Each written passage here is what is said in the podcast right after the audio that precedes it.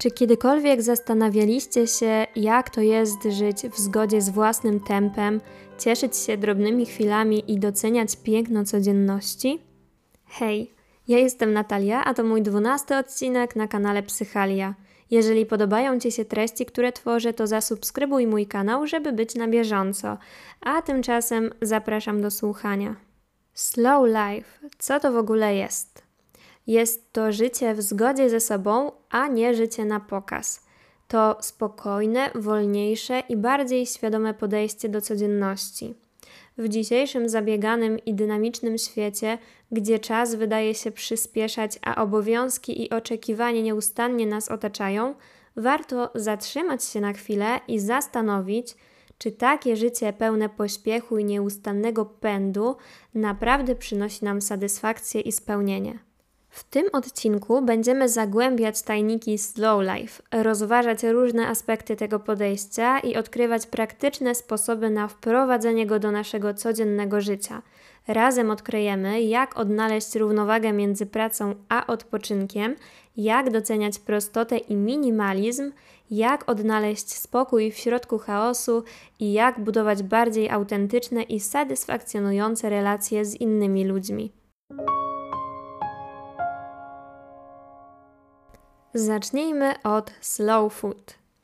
Slow food to globalny ruch, który powstał w odpowiedzi na coraz szybsze tempo życia, dominację fast foodów i utratę autentycznego smaku oraz tradycji kulinarnej. To ideologia i praktyka, które zachęcają do powolnego, świadomego i zrównoważonego podejścia do jedzenia.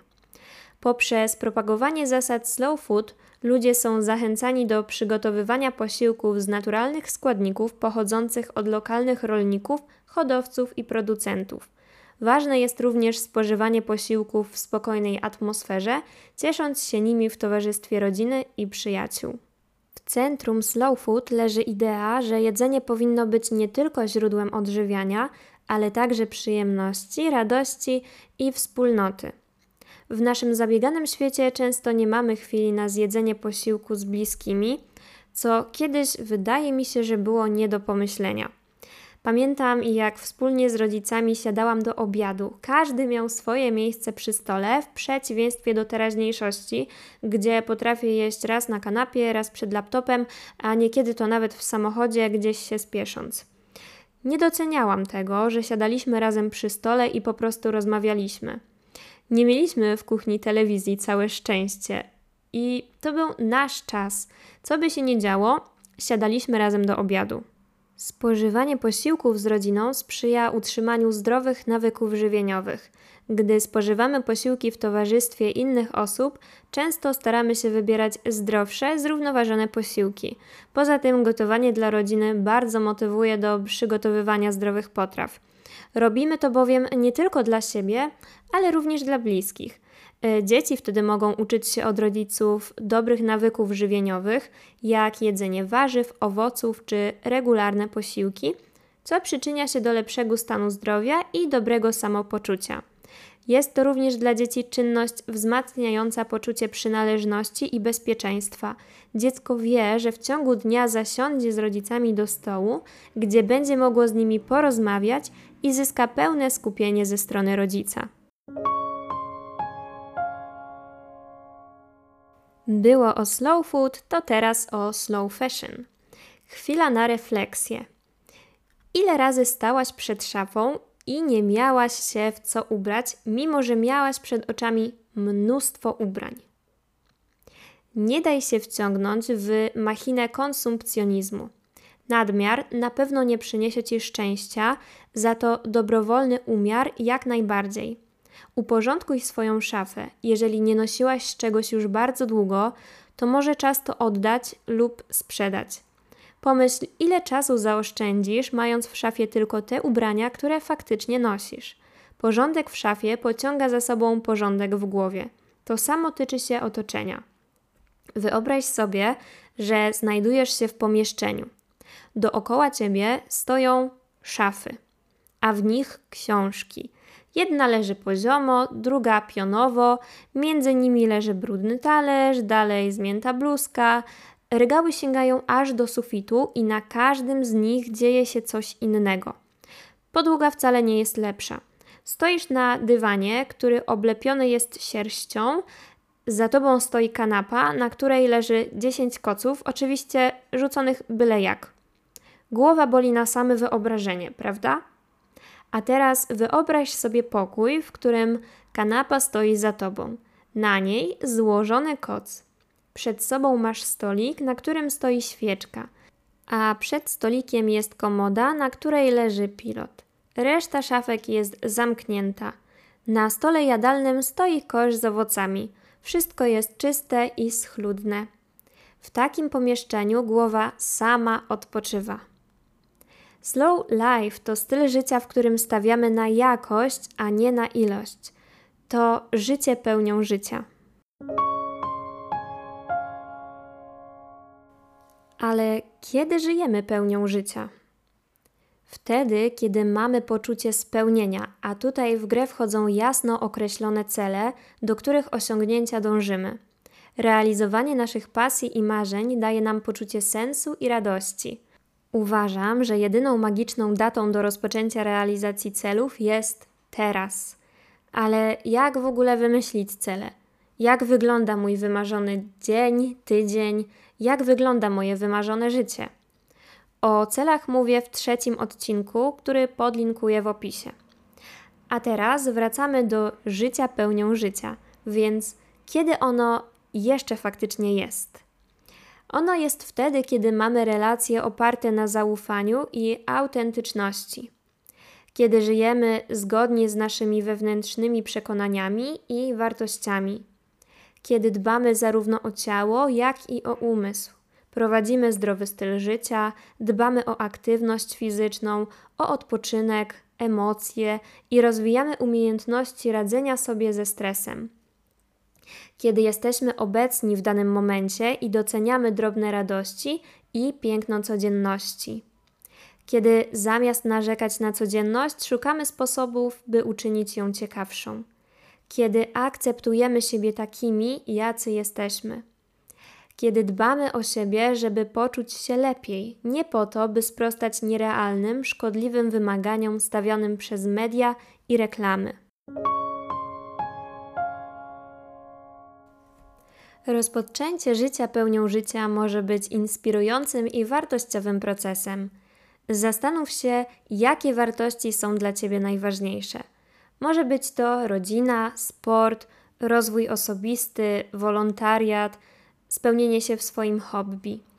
Zidentyfikowanie tych wartości pomoże Ci kierować swoimi działaniami zgodnie z tym, co jest dla Ciebie istotne zaczniesz oddawać się czynnościom, które faktycznie są dla ciebie wartościowe i nie będziesz zbaczać na inne tory. Nie będziesz czuła, że marnujesz swój czas. Pamiętaj, że nie obudzisz się pewnego dnia z magicznie zwiększoną ilością wolnego czasu, z wiedzą, co chcesz robić w życiu. Jeśli chcesz żyć pełniej, zacznij stawiać pierwsze kroki w tym kierunku. Kluczem jest skupienie się na obszarach, które są najważniejsze dla nas, nie dla rodziny czy znajomych. Bo co nam po studiowaniu kierunku, którego tak naprawdę nie lubimy, a robimy to tylko po to, żeby zadowolić rodzinę? Co nam po tym, że chodzimy na siłownię tylko dlatego, że wszyscy znajomi tam chodzą, a nam w ogóle nie sprawia to przyjemności? Warto otaczać się ludźmi, którzy będą nas wspierać w naszych wyborach, niezależnie od tego, jak różna od ich własnych będzie nasza droga. Dobrze wysłuchać rad ważnych dla nas osób, ale ostatecznie to i tak my podejmujemy decyzję, która da nam radość i spełnienie. Dlatego naprawdę ekstra jest poznać siebie, zaobserwować, co rzeczywiście przynosi nam radość i wewnętrzny spokój. Przyspieszony styl życia może sprawić, że trudno jest znaleźć czas na słuchanie siebie, ale spróbuj znaleźć ten regularny czas w ciągu dnia lub tygodnia, kiedy będziesz mogła skupić się na sobie. To może być poranna medytacja, spacer w przyrodzie, czy po prostu chwila spokoju przed snem. Słuchaj też swojego ciała. Ciało posiada mądrość, którą często ignorujemy. Zwracaj uwagę na fizyczne odczucia i reakcje swojego ciała. Jak się czujesz, gdy podejmujesz konkretne decyzje lub działasz w określony sposób? Naucz się rozpoznawać sygnały, które wysyła ci ciało i traktuj je poważnie. Słuchanie siebie oznacza również akceptowanie swoich emocji. Nie bagatelizuj ich i nie tłum ich w sobie. Przyjmuj i dostrzegaj swoje emocje, nawet jeśli są trudne. One są częścią Twojego doświadczenia i mają wiele do powiedzenia na, na temat tego, czego potrzebujesz i czego pragniesz. Przestań zastanawiać się nad tym, co ludzie powiedzą, i skup się na tym, co ty sobie powiesz. Obsesyjne zastanawianie się, co o naszych wyborach pomyślą inni, to droga donikąd. Po czym poznać, że na pewno pracujemy na rzecz spełnienia własnego, a nie cudzego marzenia. No więc po tym, że czekasz na poniedziałek z równie dużą ekscytacją jak na weekend, bo wiesz, że będziesz robić to, co naprawdę lubisz. Nie odczuwasz niezadowolenia, masz motywację, żeby wstać rano z łóżka. Jeśli Twoje obecne zajęcie jest zgodne z Twoimi wartościami, to nowy tydzień nie przyprawia Cię o skręty żołądka. Zapytaj siebie o satysfakcję i sens. Czy Twoja praca i wysiłek przynoszą Ci satysfakcję i poczucie spełnienia? Czy czujesz, że Twoje działania mają sens dla Ciebie osobiście? Gdy pracujesz na rzecz spełnienia własnego marzenia, doświadczasz głębszej satysfakcji i poczucia sensu, które nie wynikają tylko z zewnętrznych nagród czy uznania. Wybierz pracę, którą kochasz, a nie przepracujesz ani jednego dnia w swoim życiu. Robiąc to, co lubimy i wkładając w to systematyczny, przemyślany wysiłek, możemy zmieniać świat, swój i innych. Paradoksalnie, właśnie robiąc to, co naprawdę kochamy, czemu jesteśmy w stanie wiele poświęcić, wychodzimy z własnej bańki i dostrzegamy większy obrazek. Kiedy byłam na swoich pierwszych studiach, których nie lubiłam, nie robiłam nic, y, co zmieniłoby jakkolwiek mój świat. Ślepo chodziłam na zajęcia, odbębniałam projekty i nie wkładałam niczego od siebie. Dopiero idąc na drugie studia, zauważyłam ogromną różnicę we własnym rozwoju. Zaczęłam prowadzić social media, które promują zdrowy styl życia. Zaczęłam nagrywać podcasty z myślą o tobie, o tym, żebyś zauważyła możliwość zmiany życia na lepsze. Nie wiesz ludziom, którzy mówią, że chęć robienia czegoś, co sprawia ci radość, świadczy o egoizmie. Jest odwrotnie. Kiedy wkładasz całe serce w coś, w co głęboko wierzysz, wnosisz w swoje otoczenie wartości, których nigdy byś nie dostrzegła, gdybyś robiła coś, co jest ci obojętne. Opowieść o dziewczynce, która poszukuje tego, co naprawdę lubi robić. Była sobie mała dziewczynka o imieniu Zuzia. Zuzia była ciekawa świata i zawsze zadawała sobie pytanie, jak znaleźć to, co naprawdę lubi robić. Jej mama mówiła jej zawsze, że odpowiedź jest w niej samej. Pewnego dnia Zuzia postanowiła wyruszyć w poszukiwaniu odpowiedzi na to pytanie. Odpowiedziała sobie, że musi zobaczyć różne rzeczy, spróbować różnych zajęć i otworzyć się na nowe doświadczenia. Wiedziała, że w podróży będzie miała okazję odkryć swoje zainteresowania i pasje. Zuzia zaczęła odwiedzać różne miejsca. Zajrzała do biblioteki i zagłębiła się w świat książek. Odkryła, że uwielbia czytać i wchodzić w świat wyobraźni. Czytanie stało się jej schronieniem i sposobem na odkrywanie nowych światów. Następnie Zuzia postanowiła spróbować czegoś związanego ze sztuką zapisała się na lekcję rysunku i malarstwa. Kiedy trzymała pędzel w dłoni, czuła jakby całe jej wnętrze ożywało, ale po kilku lekcjach motywacja spadła, więc Zuzia poszła dalej. Postanowiła spróbować aktywności fizycznych. Zapisała się na zajęcia z tańca i zaskoczyła sama siebie. Ruch ciała w rytm muzyki sprawiał, że czuła się wolna i szczęśliwa. Zrozumiała, że ruch i taniec dają jej poczucie swobody i wewnętrznej harmonii. Próbowała różnych stylów, aż znalazła ten, który wychodzi jej najlepiej ze wszystkich. Podczas swojej podróży Zuzia nie tylko odkrywała nowe zainteresowania, ale także spotykała różne osoby, które dzieliły się swoimi pasjami. Z rozmów z nimi zdawała sobie sprawę, że to, co naprawdę lubi robić, może ewoluować i zmieniać się wraz z czasem. Nie musiała ograniczać się do jednej dziedziny. Mogła eksperymentować, łączyć różne zainteresowania i tworzyć swoją własną drogę. Z czasem Zuzia zrozumiała, że znalezienie tego, co się lubi robić, wymagało otwarcia serca i umysłu na różnorodność. Zauważyła, że pasje i zainteresowania mogą być ukryte w najmniej oczekiwanych miejscach. Ważne było, żeby pozostać otwartym na odkrywanie, być ciekawym świata i słuchać siebie. Kiedy Zuzia wróciła do domu po swojej podróży, miała w sobie ogromne bogactwo doświadczeń i wiedzę na temat tego, co naprawdę lubi robić. Teraz wiedziała, że znalezienie pasji nie jest tylko jednorazowym wydarzeniem, ale procesem ciągłego odkrywania i rozwijania samego siebie. Jeśli traktujemy coś po prostu jako niezobowiązujące hobby, pasja pozwala nam osiągnąć relaksujący stan zatracenia się w jakiejś czynności, dać przyjemność zrealizowania się w dziedzinie, która sprawia nam ewidentną radość. Dobrze jest mieć coś, co po prostu lubimy robić, bez nakładania na siebie oczekiwań czy zbędnej presji. W moim przypadku tak właśnie działa jazda konno. Skoki przez przeszkody, galopowanie po lesie to po prostu czysta frajda. Ale nie nakładam na siebie presji startowania w zawodach czy bycia lepszą od innych. Jeżdżąc, jestem po prostu tu i teraz. Moje myśli skupione są na aktualnej czynności. To jak taki wyższy poziom medytacji. Jak znaleźć takie hobby? Po pierwsze, zastanów się, przy jakiej czynności towarzyszył Ci ostatnio stan ekscytacji. Kiedy robiłaś coś, przy czym straciłaś poczucie czasu, zapomniałaś o jedzeniu i piciu, myślałaś tylko o tym, co aktualnie robisz, odeszły zmartwienia. Po drugie, zapisz rzeczy, które naprawdę lubisz robić. Siedzisz w pracy i masz akurat taki dzień, że kompletnie ci się nie chce. Za czym tęsknisz? Co chciałabyś robić?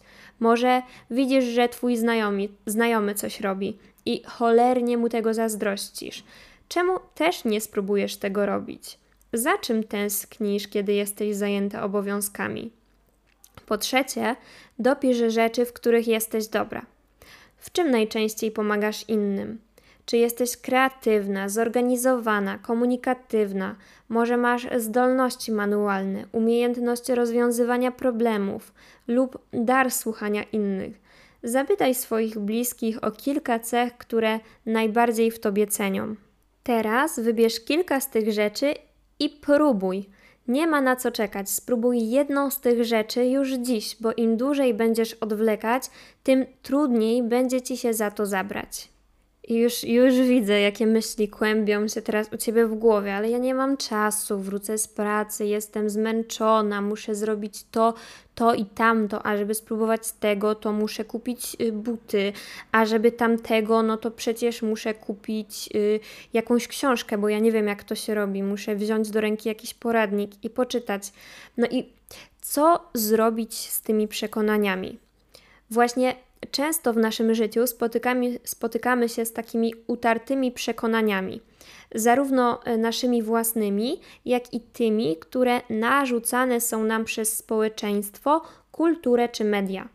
Kwestionowanie tych przekonań jest ważnym procesem, który pozwala nam na rozwój osobisty, poszerzanie horyzontów i odnalezienie własnej tożsamości. Kiedy zaczynamy kwestionować utarte przekonania, otwieramy się na inne perspektywy i stajemy się bardziej elastyczni w naszym myśleniu. Zaczynamy zadawać y, sobie pytania, zamiast ślepo przyjmować wszystko, co nam mówią. Pytamy samych siebie, dlaczego tak myślę? Czy to jest naprawdę y, prawda? Czy to przekonanie służy mojemu rozwojowi i szczęściu? Kwestionowanie własnych przekonań może być trudne i wymagać odwagi, ponieważ często są one głęboko zakorzenione w naszym umyśle i emocjach, ale gdy zaczynamy wątpić, stajemy się bardziej świadomi naszych własnych przekonań i możemy je ocenić pod kątem ich wartości i wpływu na nasze życie. Przykłady utartych przekonań.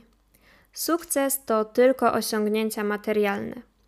To przekonanie sugeruje, że jedynym miernikiem sukcesu jest posiadanie dużo pieniędzy, wysokiej pozycji społecznej czy prestiżowej kariery.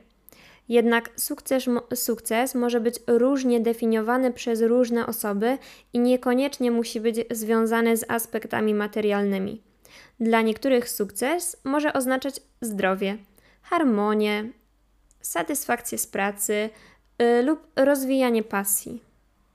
Kobiety powinny być delikatne i opiekuńcze, a mężczyźni silni i nieemocjonalni.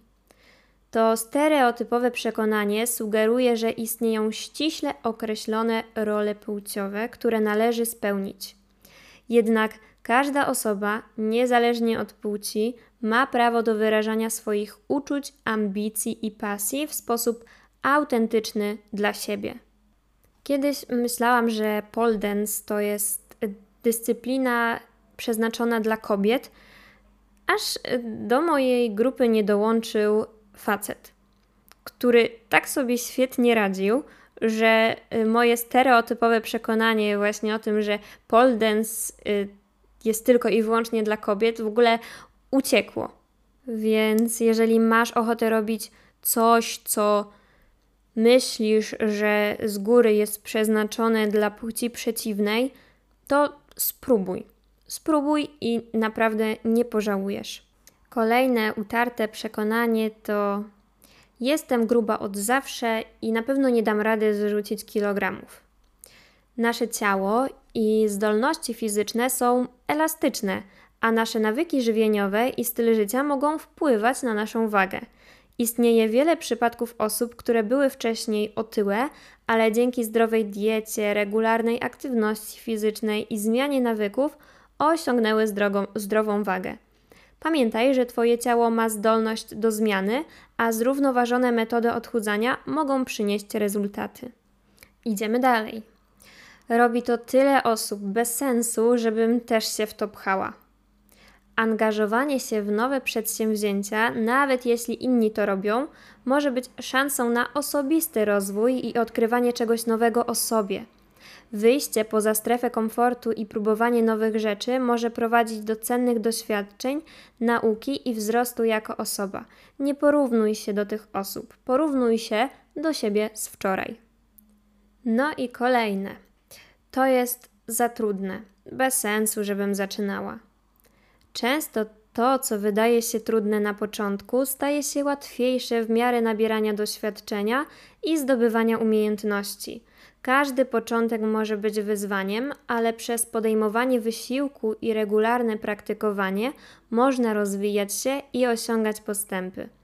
Warto zacząć od małych kroków i stopniowo rozbudowywać swoje umiejętności. Ostatnie utarte przekonanie, o którym chciałabym powiedzieć, to żeby zacząć to robić, muszę mieć profesjonalny sprzęt. Na przykład na siłownię potrzebuję nowych leginsów i stanika sportowego. Często mamy tendencję do odkładania rozpoczęcia swojej aktywności lub hobby, ponieważ czujemy, że nie mamy odpowiedniego sprzętu. Jednak prawda jest taka, że wiele działań można rozpocząć przy minimalnym wyposażeniu lub korzystając z dostępnych zasobów. Weź zwykłe leginsy z szafy, nie muszą być markowe. Na siłowni i tak nikt na to nie patrzy. Jeżeli nie masz stanika sportowego, to ubierz zwykły stanik, weź bluzkę na ramionczka czy na krótki rękaw i zacznij działać bez komplikowania sprawy. Kiedy zaczynałam nagrywać podcasty, nie miałam profesjonalnego sprzętu. Nie wiedziałam też, gdzie w ogóle się coś takiego nagrywa, jakie trzeba mieć programy, jak wstawić podcast na Spotify. Nie wiedziałam skąd wziąć RSS, nawet nie wiedziałam, co to jest. Wszystkiego dowiadywałam się z czasem. Codziennie robiłam krok ku nagrywaniu podcastów. Za nic nie płaciłam, korzystałam z darmowych programów. Nie miałam profesjonalnego mikrofonu. Nagrywałam telefonem. Korzystałam z tego, co akurat miałam pod ręką. Efekt utopionych kosztów. Jest to zjawisko polegające na tym, że ludzie mają skłonność do trzymania się wcześniej podjętych decyzji, nawet w sytuacji, gdy okazały się one niekorzystne, jeśli tylko były związane z poniesieniem dużych kosztów lub ze znacznym wysiłkiem. Dlatego, jeżeli jakaś aktywność nie sprawia ci przyjemności, to nie brnij w nią, nawet jeżeli wykonywała się długi okres czasu. Glenda Jackson powiedziała kiedyś: Niegdyś uważałam, że cokolwiek jest lepsze niż nic. Dzisiaj uważam, że czasami nic jest lepsze niż cokolwiek. Często ludzie wpadają w pułapkę efektu utopionych kosztów, ponieważ mają poczucie, że jeśli zainwestowali już tak dużo czasu, wysiłku i pieniędzy w dane hobby, to muszą kontynuować, nawet jeśli nie sprawia im to już przyjemności. Mogą czuć się zobowiązani do kontynuowania, aby nie zmarnować dotychczasowych inwestycji. Jednak ważne jest, aby pamiętać, że nasz czas, energia i zasoby są cenne. Jeśli okazuje się, że dane hobby nie przynosi nam radości ani spełnienia, nie ma nic złego w zakończeniu go i poszukiwaniu innych możliwości. W rzeczywistości, zamiast trwać w nieodpowiednim hobby, warto skoncentrować swoje wysiłki na czymś, co naprawdę nas interesuje i motywuje. Zakwestionowanie efektu utopionych kosztów może wymagać od nas pewnej odwagi i elastyczności myślenia. Musimy być gotowi na refleksję i analizę naszych działań, aby rozpoznać, czy to, czym się zajmujemy, jest jeszcze dla nas wartościowe. Jeśli okazuje się, że nie, nie musimy się czuć winni ani zobowiązani do kontynuacji. Ważne jest, aby słuchać siebie, swoich potrzeb i zainteresowań. Możemy wykorzystać nasze doświadczenie i wiedzę zdobytą podczas poszukiwania danej pasji do eksploracji innych obszarów i odkrycia czegoś, co nas prawdziwie inspiruje. Nie musimy być przywiązani do utopionych kosztów, ale możemy je traktować jako cenną lekcję i doświadczenie, które pomogło nam lepiej zrozumieć nasze preferencje. Ja zdążyłam przetestować już pływanie, balet, jazdę konno, grę na keyboardzie, grę na gitarze, śpiew, siłownię, pole dance, zajęcia ze stretchingu, zajęcia pod nazwą sztangi, y, studia budownictwa i pewnie coś jeszcze się znajdzie. Niewiele z tych rzeczy robię teraz, ale wcale nie żałuję. Przynajmniej wiem, co lubię, a czego nie.